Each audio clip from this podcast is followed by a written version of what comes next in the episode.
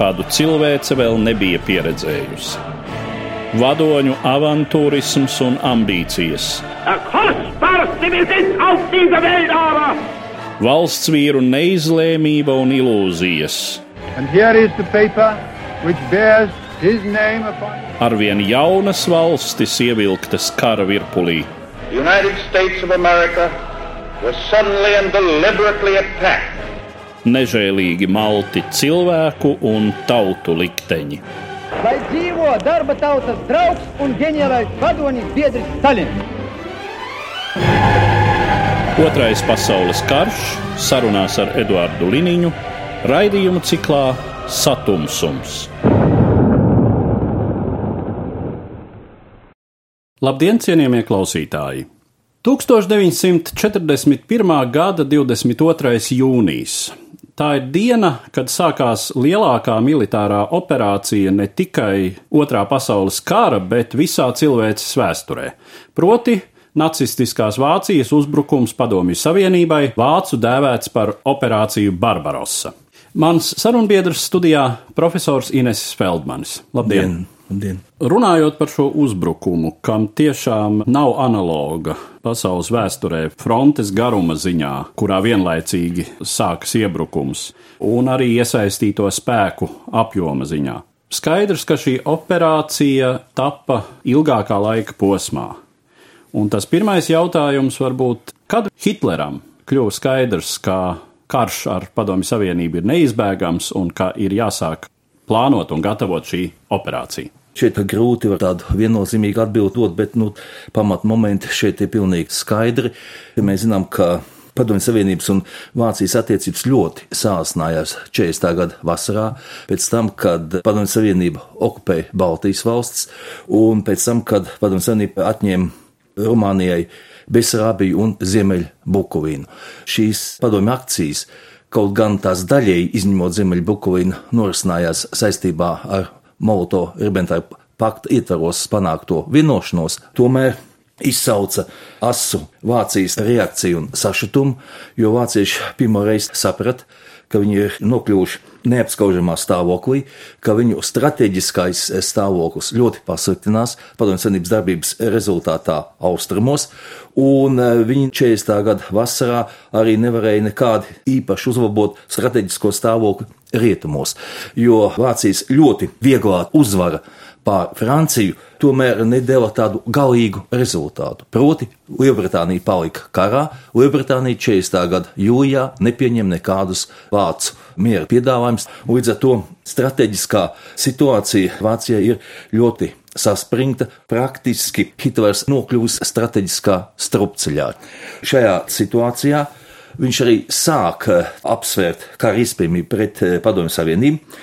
1940. Eh, gada 31. jūlijā Vācijas politisko militāro vadītāju sanāksmē viņš nonāca pie secinājuma. Es citēju: Ja Anglijā atkrīt cerības uz Krieviju, atkrīt arī Amerika, jo Krievijas atkrišanai seko Japānas nozīmes milzīga palielināšanās Austrumāzijā. Tā viņš vērtē izveidojušos strateģisko situāciju, klāt nāk arī šis moments, ja, kas pasliktina Padomju Savienības un Vācijas attiecības. Hitlers labi saprata, daļēji tā Vācija piekritus šai padomju iebrukumam Baltijā, bet eh, tajā laikā 40. gada pavasarī bija tomēr izveidojusies tāda situācija, ka Vācija bija pārliecināta, ka nekāda eh, padomju iebrukums Baltijā nebūs, ka padomju savienība samierināsies ar to, ka Baltija atrodas tās politiskajā ietekmē, bet Vācija joprojām no Baltijas saņem zināms ekonomisks labums. Un tāpēc vāciešiem šī Baltijas valsts okupācija bija liels pārsteigums, un vienu brīdi pat eh, Vācijas ārlietu ministrs Joachims van Ribbentrops domāja, ka var kaut kādā veidā novērst Baltijas valsts okupāciju, un viņš uzdeva arī sagatavot saviem tuvākiem līdzsvarniekiem zināmus ziņojumus, bet nu tomēr izrādījās, ka Vācijai ar ar šo akciju ir jāsamierinās, bet Padomju Savienība okupējot Baltijas valsts, pilnā mērā neievēroja panāktās Vācijas un Padomju Savienības vienošanos. 1939. gada 28. septembrī tiek parakstīts īpašs protokols par ietekmes sfēru maiņu, un šis protokols paredzēja, ka apmaiņā pret noteiktiem polijas apgabaliem Padomju Savienība iegūs savā interešu sfērā Lietuvu. Taču arī šis protokols paredzēja, ka viena Lietuvas daļa, tas ir apgabals ap Marijampoli, paliek Vācijas ietekmes sfērā. Okupējot Lietuvu, Staļins šo vienošanos ignorē, un tas neapšaubām ļoti sāsnāja Vācijas un Padomju Savienības attiecības. Sākās šeit ļoti smagas sarunas par šī konflikta noregulējumu, jo Padomju Savienība negribēja atstāt šo Mariupols apgabalu, uzskatīja, ka tā ir prestīža lieta, ja, teiksim, nu kā var karavīrs dzīt ārā no teritorijas, kurā karavīri iegājuši. Jā, un jāpiebilst, ka lietuviešiem būtu ļoti grūti paskaidrot, kāpēc no Lietuvas Padomju Socialistiskās republikas ir kaut kas jādod Vācijai. Jādod Vācijai arī tā problēma, protams, un to tikai varēja noregulēt tikai 41. gada 10. janvārī tādā veidā, kad Padomju Savienība samaksātu 7,5 miljonus dolāru par Mariampolas apgabalu. Bet vēl vairāk Hitleru sadusmoja Padomju Savienības rīcība pret Rumāniju. Ja mēs ņemam vērā 1939. gada 23. augustā noslēgto slepeno papildu protokolu, tad Vācija bija izteikusi savu politisko neinteresētību šajā jautājumā, un tas nozīmē to, ka Padomju Savienība Besarabijā varēja darīt, ko grib, bet eh, te bija arī tomēr tāds nosacījums, ka savā tajā slepenā protokolā tieši neparādījās, ka Padomju Savienība drīkst izvirzīt Rumānijai teritoriālas pretenzijas arī attiecībā pret Besarabiju tikai vienā gadījumā tad, kad citas valstis izvirza Rumānijai līdzīgas pretenzijas. Un šeit ir domāta Ungārija, Bulgārija, pret Rumāniju bija diezgan daudz šādu teritoriālo pretenziju. Arī šo vienošanās noteikumu Padomju Savienība neievēroja. Bet Hitlers tad īpaši sadusmoja. Tas, kad sagrāba Padomju Savienības Ziemeļbukuņu, kas nekad nav bijusi Krievu impērijas sastāvā, kas taču bija Austrijas kroņa zeme. Nu, Hitlers tā ir Austrijas un kaut vai pēc Vācijas toreizējā ārlietu ministra Joachim von Ribbentropa liecībām saglabājušās viņa atmiņās, teica, ka Hitlers pirmo reizi sācis domāt par preventīvu karu pret Padomju Savienību, lai apturētu Padomju Savienības spiešanos uz rietumiem.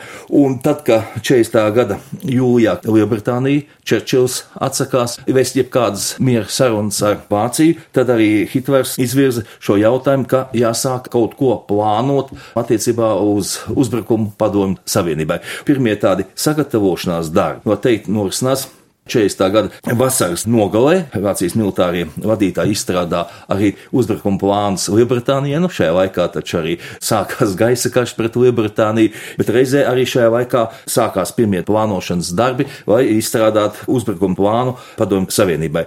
40. gada rudenī šie darbi kļuva daudz aktīvāki un tādos pamatos beidza sagatavošanos 40. gada decembrī, un Hitlers ar īpašu direktīvu, direktīvu 21, šo plānu apstiprināja apstiprināja 1940. gada 18. decembrī. Pēc tam, kad bija neveiksmīgi beigušās Padomju Savienības Vācijas sarunas, šeit es domāju Molotovu vizīti Berlīnē, kad nevarēja vienoties par tiem noteikumiem, uz kādiem Padomju Savienība būtu ar mieru pievienoties Vācijas, Itālijas un Japānas paktam. Padomju Savienība to ļoti gribēja. Padomju Savienība vēl pat 1940. Eh, gada 25. novembrī nosūtīja speciālu rakstisku dokumentu, ar vienošanās noteikumiem, bet Hitlers vairs ar Padomju Savienību par šo e, jautājumu nerunāja.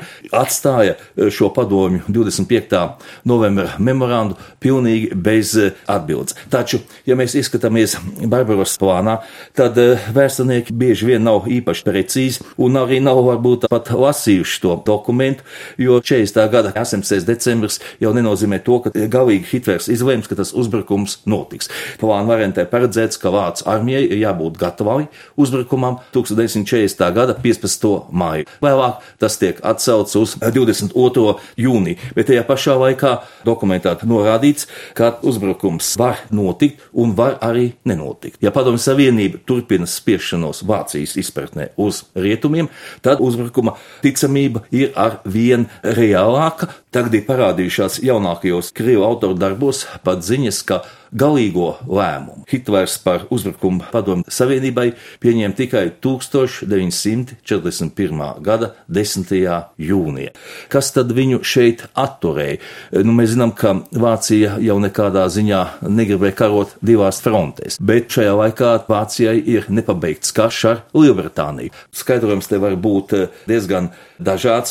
Nikolai Stariko grāmatā Hitlera liktenīgā kļūda šī galīgā lēmuma pieņemšana tomēr ir saistīta ar Hesa lidojumu uz Lielbritāniju. Starikovs un vairāk citi krievu vēstnieki uzskata, ka tā oficiālā versija sakarā ar Hesa lidojumu neatbilst patiesībai. Oficiālā versija balstās uz Čerčila memoāriem, ka angļu spēcdienesti pēc tam, kad Hess ieradās Skotijā, viņu arestēja, nopratināja un uzstīja, ka viņš nekādus nopietnus priekšlikumus Lielbritānijai nav izvirzīs.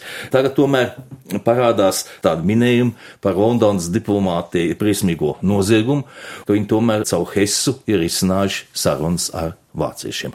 Solīšu to, ka Lielbritānija paliks neitrāla, iespējamā padomju vācu karā, ļaus Hitleram izreikināties ar Padomju Savienību. Saņemot šādu angļu solījumu, Krievijas autora skatījumā, Hitlers ir izšķīries par uzbrukumu Padomju Savienībai. Tas ir noticis 1940. gada 10. jūnijā. Čerčils piemānīja Hitleru. Tajā dienā, kad sākās Vācijas uzbrukums par galveno britu raidstaciju, izskanēja Čerčila runa, kurā viņš apsolīja Padomju Savienībai visu iespējamo palīdzību. Siehst du Osten das Morgenrot, ein Zeichen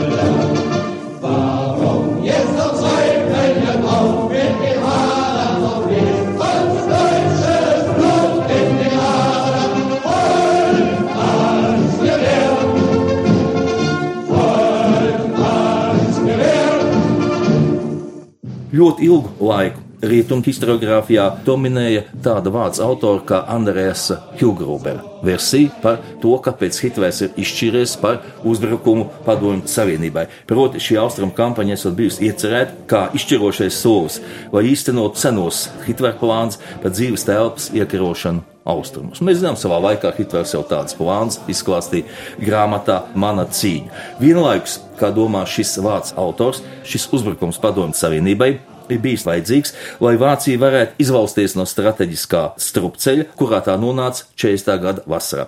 Ungāru izcelsmes amerikāņu vēsturnieks Džons Lukačs, mums ir pieejama latviešu valodā viena no viņa grāmatām, 41. gada jūnijas, ir pārliecināts, ka tiešām šo Adolfu Hitleru lēmumu noteica abi pieminētie motīvi, taču atšķirībā no Andrēsa Hilgrubera, Lukačs uzskata, ka primārais bija Adolfa Hitlera vēlme, sakaujot padomu savienību, atņemt Britiem cerības uz iespējamo sabiedroto un piespiest šādā veidā Lielbritāniju izlīgt ar Vāciju.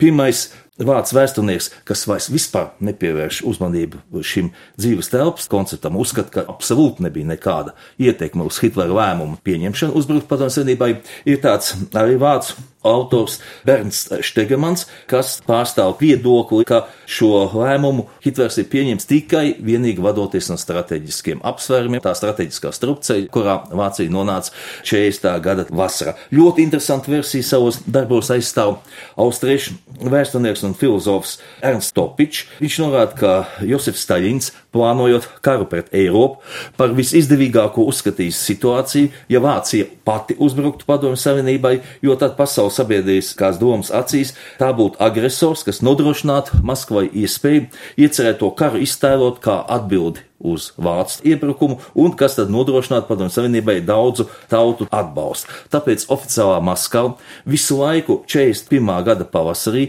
mēģinājusi tīši provocēt un izaicināt Berlīni uz karu. Sākumā Maskava izvirzīja Vācijai pilnīgi nepieņemamas prasības, lai Vācija atdotu Padomju Savienībai Somiju, Rumāniju, Bulgāriju, Turciju. Nu, ja Berlīna tam piekrista, dabiski, ka Eiropā pilnā mērā dominētu Padomju Savienību, bet Vācijas rīcības iespējas būtu ļoti ierobežotas. Restīvi Vācija varētu vest karu tikai tad, ja Padomju Savienība to atļautu. Šo Staļina politiku bieži daudz autoru sauc par Nadelštih politiku, tas ir par adatas dūrienu politiku, un 41. gada pavasarī šī Vācijas izaicināšana visvairāk izpaudās Balkānos. Vācija izdevās, piemēram, gūt panākumus attiecībā uz Bulgāriju, padomju savienībā izdevās tomēr savas pozīcijas nostiprināt Dienaslavijā, kas piespied Vāciju 41. gada aprīlī dot militāru triecienu arī Dienaslavijā. Bet tomēr pati visvairāk apspēlētā koncepcija ir tomēr koncepcija par preventīvo karu. Hitlera karš pret padomju savienību, kas sākās 41. gada 22. jūnijā, ir preventīvs karš, kam bija jānovērš padomju savienības ieplānotais karš pret Vāciju. Pirmoreiz tā ideja, ka tas ir preventīvs karš no Hitlera puses ir mēģināts jau pamatot Vācijas kara pieteikumā Padomju Savienībai. Šis kara pieteikums ir datēts ar 1941. gada 21. jūniju. Šeit pirmo reizi arī Vācijas uzbrukums Padomju Savienībai tiek attaisnots ar to, kad Padomju Savienība ir okupējusi, sovietizējusi Baltijas valstis. Nu, šeit jau, protams, tā ir cita saruna, cik tālu Vācija tam bija piekritusi, cik tālu ir padomju savienības pašdarbība. Tomēr jāsaka, lielās līnijās jau Vācija šai padomju akcijai 39. gada augustā un septembrī bija piekritusi. Pirmo reizi tā ļoti spēcīgi Šī preventīvā kara ideja izvirzās pagājušā gadsimta 80. gados. Tur ir vesela virkne tādu vēsturnieku, jau minētais Ernsts Topičs, Joachims Hofmans, galvenais vācu militārais vēstnieks, kas pārstāv šo preventīvā kara ideju, un arī mums visiem pazīstamais Viktors Suvorovs, kas 80. gada beigās publicēja savu darbu Ledlauzes, un kad 92. gadā šis darbs tika iztulkots krieviski, tad uzreiz no tā 92. gada līdz mūsdienām Krievijas historiografijā lūk notiek strīdi par šo Suvorovu darbu, tad līdz ar to parādās tas, ka Padomju Savienības un Vācu karā galvenais vainīgs varbūt arī Staļins. Visi Krievu vēstnieki dalās vairākās grupās, nu vieni tie tā saucamie uzbrucēji, kas pilnā mērā piekrīt idejām, ko izvirzīs Suvorovs, otri ir aizsardzībnieki, kas izvirza jautājumu, ka Staļins tomēr izturēs defensīvi mēģināja gatavot tikai aizsardzību, un trešie ir neitrāļi. Nu, jāsaka, pēdējā laikā man liekas, ar vien vairāk parādās grāmatas, kurās tomēr ir pausta piekrišana šai versijai, ka Staļins plānoja karu pret Vāciju. Staļins jau viss ir darījis daudz ātrāk nekā to ir darījis Hitlers. Nu, piemēram, agrāk nekā Vācija padomju savienība uzsāka koncentrēt skaitliski lielas karaspēka vienības valsts pierobežā. Tas attiecās jau uz 40. gada aprīli. Vācija to jau nevarēja tajā laikā izdarīt, jo viņa viss karaspēks taču bija aizņemts rietumu austrumos. Austrumu robežu aizstāvēja tikai astoņas divīzijas, kas arī parādīja to, ka šī Hitlera politika tomēr attiecībās ar Padomju Savienību ir diezgan avantūriska, jo jau 40. gadā Staļins, ja viņš tā būtu gribējis, viņš jau varēja aizsoļot līdz Berlīnai un daudz tālāk. Arī sakanās armijas ģenerālštāps apsteidz vāciešus uzbrukuma vai tā dēvēto apsteidzošo triecienu plānu izstrādē.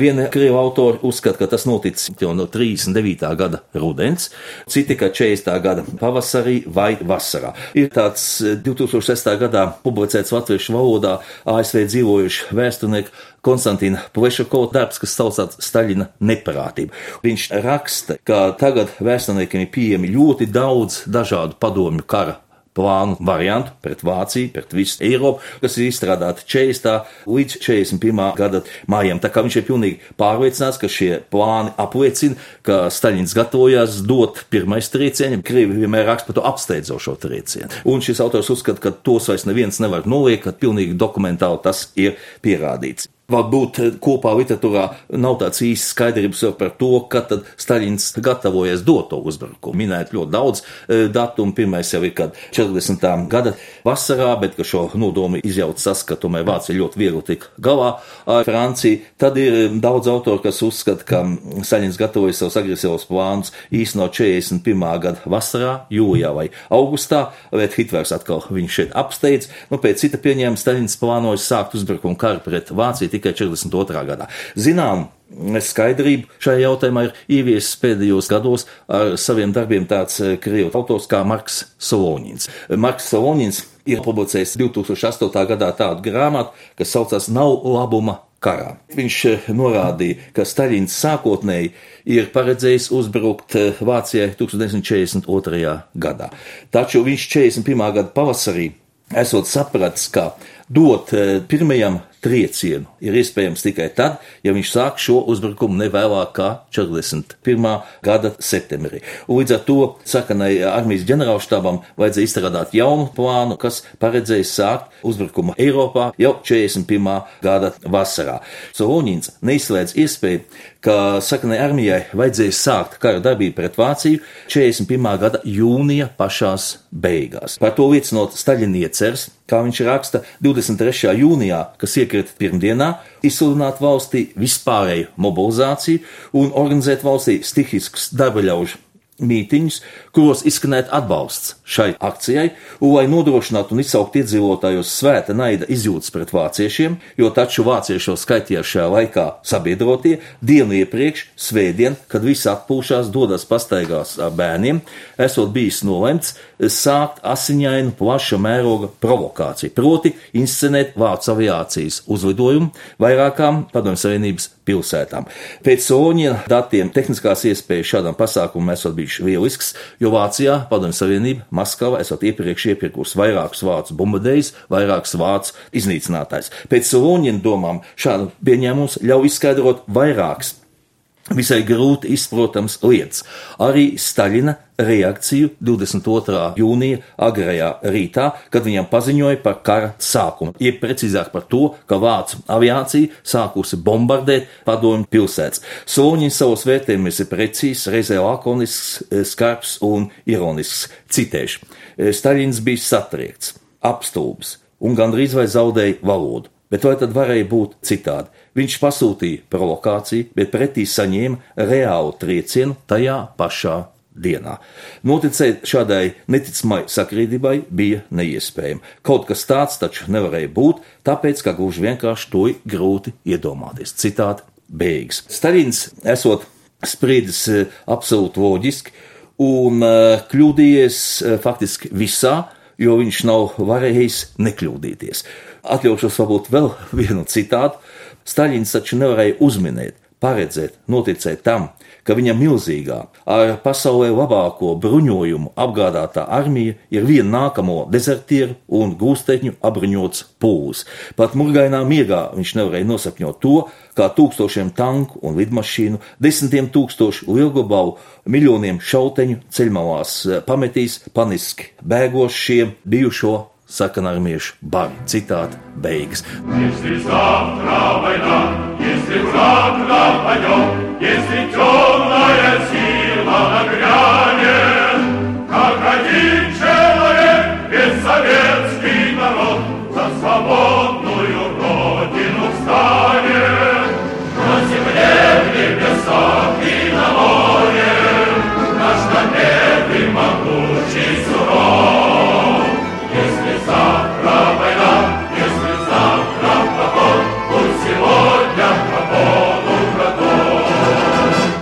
Diezgan skaidrs ir tas, ka savādāk nevar izskaidrot padomju savienības lielās neveiksmes 40. gada vasarā, un arī teiksim, rudenī, kad visa kadru armija vai nu fiziski iznīcināta vai saņemta gūstā, jāignorē to, ka Staļins negatavojas nekādam aizsardzības karam, neviena aizsardzības līnija nebija izrakta, karaspēks bija koncentrēts pie robežām, ko nedarīja gatavojas aizsardzības karam. Vecās aizsardzības līnijas jau padomju robeža taču bija pabīdījusies vismaz 120 km uz rietumiem, tās visas ir iznīcināts. Padomju senībā šajā laikā bija arī izveidota speciāla Donalds flotila, kurai varēja būt tikai un vienīgi uzbrukuma mērķi. Šajā laikā padomju savienībā ir tā sauktā parašutistu psihoze, gatavo ļoti daudz parašutistus, varētu uzreiz izmest Vācijā. Tas jau viss liecina, ka šeit ir tikai un vienīgi gatavošanās uzbrukuma karam, un ja valsts gatavojas uzbrukumu karam, bet pati saņem triecienu. Tad tā situācija tāda, kā tā bija, jo padomju Armija jau lielā mērā vēl atradās pat vagonos. Ļoti tuvu izvirzīta pie